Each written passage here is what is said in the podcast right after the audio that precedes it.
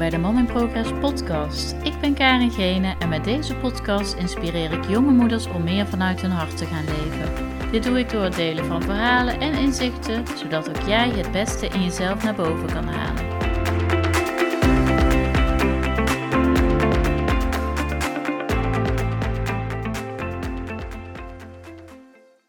Welkom bij weer een nieuwe aflevering van de Mom in Progress podcast.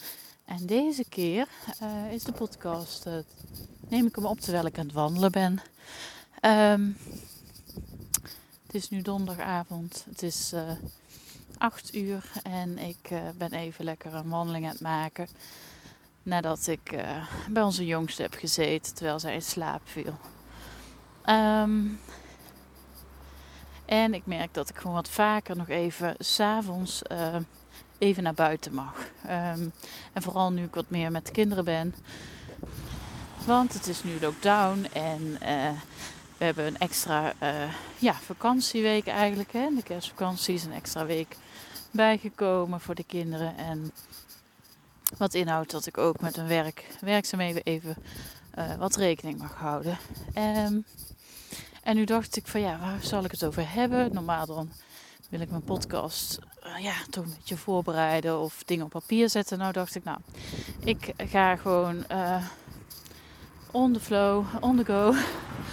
wil ik gewoon even mijn podcast opnemen. En ik was aan het wandelen en ik dacht, ik had al wel gewoon wat gedachten die door mijn hoofd gingen. En ten eerste uh, wil ik met je delen dat ik wel heel erg voel, en misschien herken je dat wel, dat ik um, gewoon behoefte heb om ja, om, om, om gewoon heel erg met mezelf te zijn en bezig te zijn. En um, ja, wat minder sociaal te zijn. Uh, ik voel gewoon heel erg ook wel dat ik uh, nou, vermoeid ben. Um, het zou een combinatie kunnen zijn met, uh, met dat de kinderen wat meer thuis zijn nu. Um, ja, de fase waar ik nu überhaupt zit met de kinderen. Dat het mijn middelste die bijna naar school mag en daar ook wel spanning voor voelt. Um, heel deze feestdagen, maar dan ook de corona-perikelen erbij. Um, dat is best wel uh, intensief, merk ik. Um, constant schakelen. Je bent gewoon ja, uh, zo flexibel als wat mag je op dit moment zijn als moeder. Hè? Het is gewoon, uh, ja, ik weet niet. Ik voel me af en toe wel een yo-yo, zo zou ik maar zeggen. En ik heb echt heel veel momenten dat ik me heel goed voel. Maar er zijn ook momenten dat ik daarin echt wel, echt wel down kan voelen of negatief. Of... Nou, het fijne is dat ik wel uh, weet hoe ik dat kan shiften. En, uh, maar ik mag ook wel uh, weer de focus wat meer leggen op, me, op tijd naar bed gaan. En ik bedoel, ik kan niet in de winter ook nog eens en vroeg opstaan en laat naar bed. Dat, ik merk nu dat dat zijn tol een beetje eist. Daarnaast eh, maakt dat ik voor het eerst in nu een jaar bijna, want ik ben vorig jaar januari gestart met elke ochtend vroeg opstaan, mijn ochtendroutine te doen en uh, te hardlopen daarbij. En ik merk dat dat nu uh, voor het eerst voel ik een ja, blessure eigenlijk.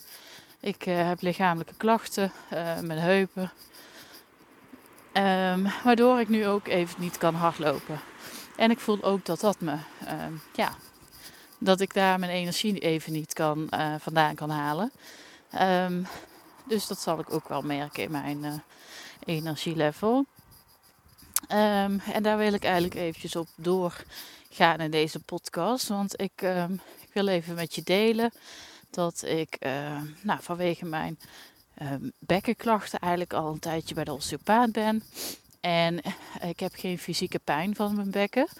Um, maar ik heb zoals veel vrouwen met mij denk ik uh, wel een probleem in uh, ja, urineverlies zeg maar. En dat, um, ja, dat wilde ik eigenlijk, ja, zou ik het liefst anders zien. En nu zag ik op een gegeven moment een artikel over uh, osteopathie bij deze klachten.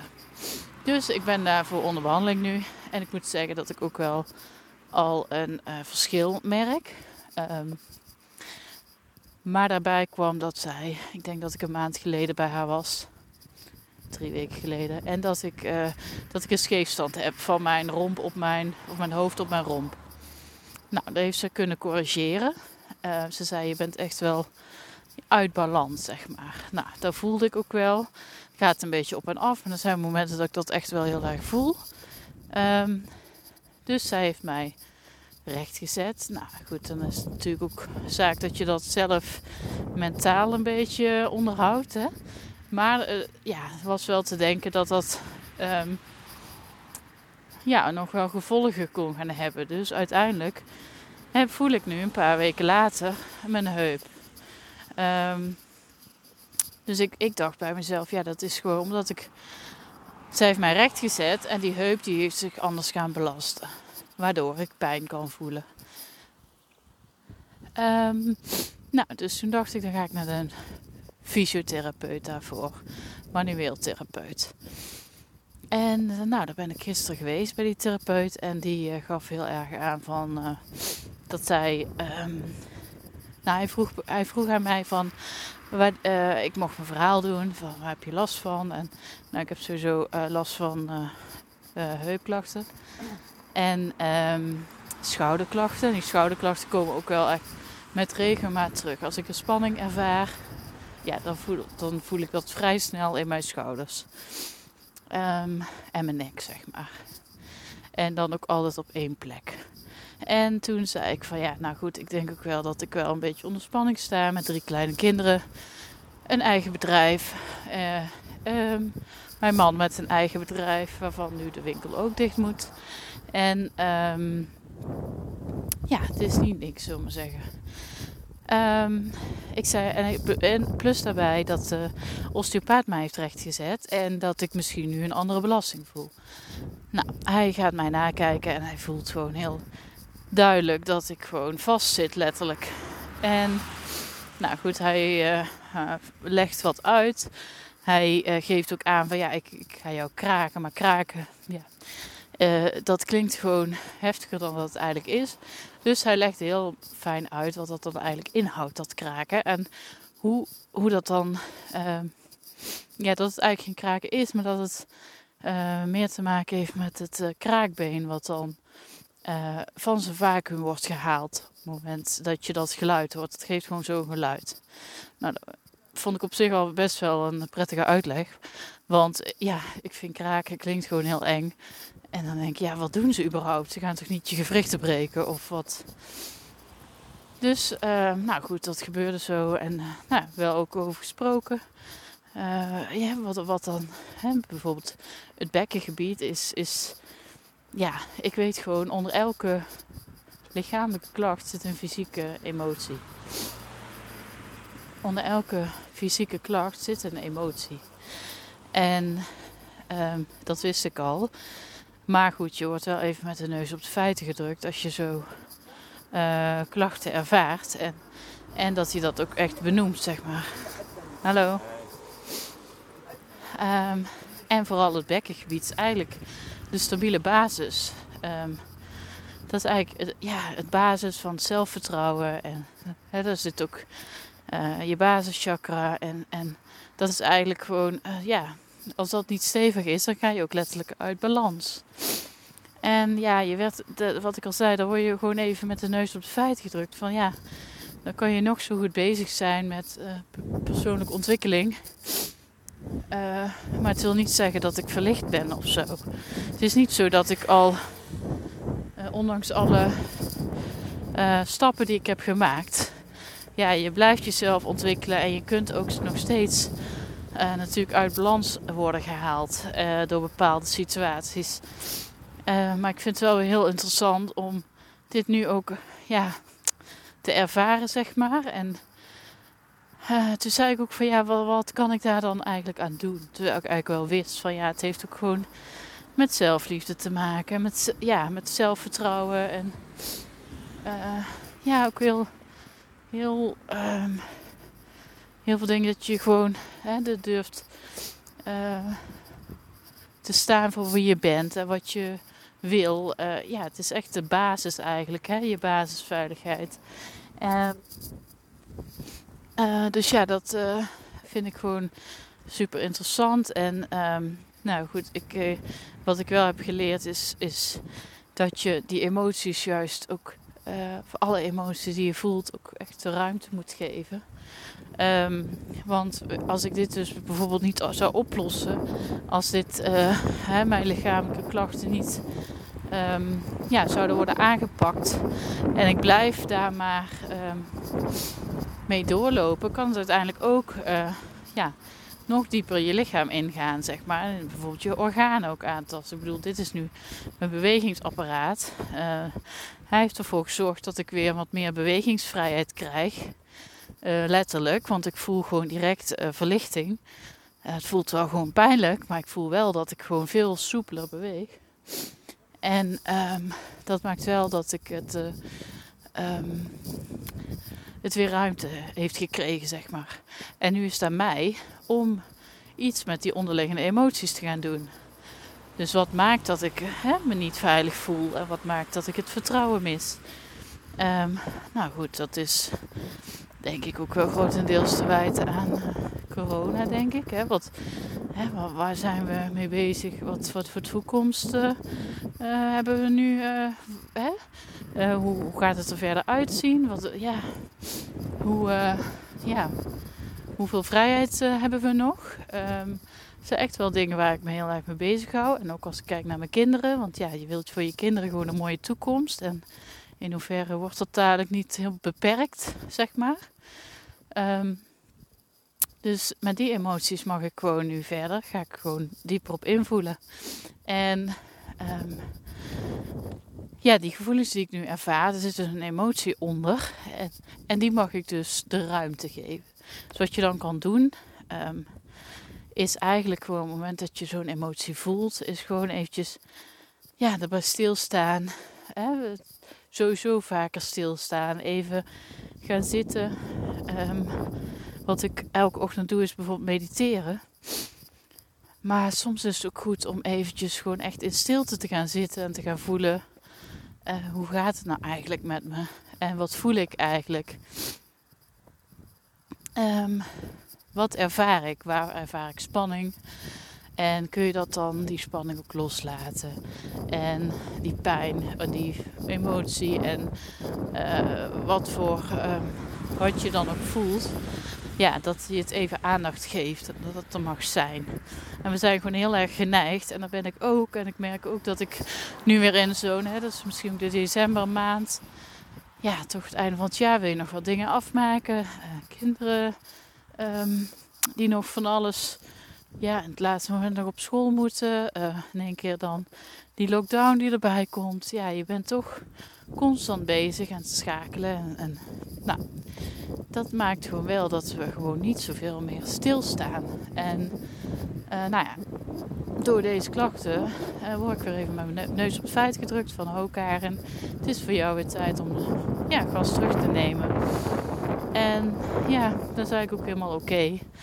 Ehm, als ik het niet doe, dan heeft het alleen maar nare gevolgen voor mezelf. En zal ik uh, over een half jaar weer met dezelfde klachten zitten. Dus laat ik er nu maar gewoon iets aan doen. En dat wilde ik eigenlijk met je delen. En ook, hè, misschien heb je zelf lichamelijke klachten. Besef je dan dat dat niet uh, vanzelf overgaat. En dat het eigenlijk een signaal is van je lichaam. Een uitnodiging om daar iets aan te doen. Om stil te staan bij wat zegt mij dit nou? Wat zegt mijn lichaam? Wat geeft het aan? En um, ja, ja, geef die emoties die daar dan uh, uh, ja, mee verbonden zijn, eigenlijk de ruimte. En ik denk dat het gewoon heel, uh, heel helpend kan zijn. En nou, dat is bewezen dat dat helpend is. Alleen denk ik dat er heel veel vrouwen zijn die daar niet zozeer bij stilstaan. Dus dat wilde ik eigenlijk even delen met je. En ik ben heel benieuwd ja, of je hiermee, wat je hiermee kan en wat je ervan vindt. Um, sowieso denk ik dat je, net als ieder andere moeder, uh, soms wat meer ja, uh, stil mag staan, rust mag nemen, meer mag zijn in het moment. Dat is ook een note to self. Meer mag zijn in het moment. Um, ja, en nu vooral met de kinderen thuis. Ja, nee, leg de lat niet te hoog voor jezelf. Um, doe juist leuke dingen. Ehm, we zijn allemaal beperkt nu, hè? Ehm, maar maak er iets van samen. Want het is, ja, het is zoals het is. En er wordt van alles verwacht. Ook van je werkgever. Kijk, als je werkgever hebt die, die toch bepaalde dingen van je verwacht of eist. Of hè, deadlines of uh, targets moet halen. Maar of als je in de zorg werkt en je hebt gewoon best wel hè, veel uh, zorg aan je hoofd. Zorg dan dat je als je thuis komt, dat je uh, zorgt voor ontspanning. En me-time.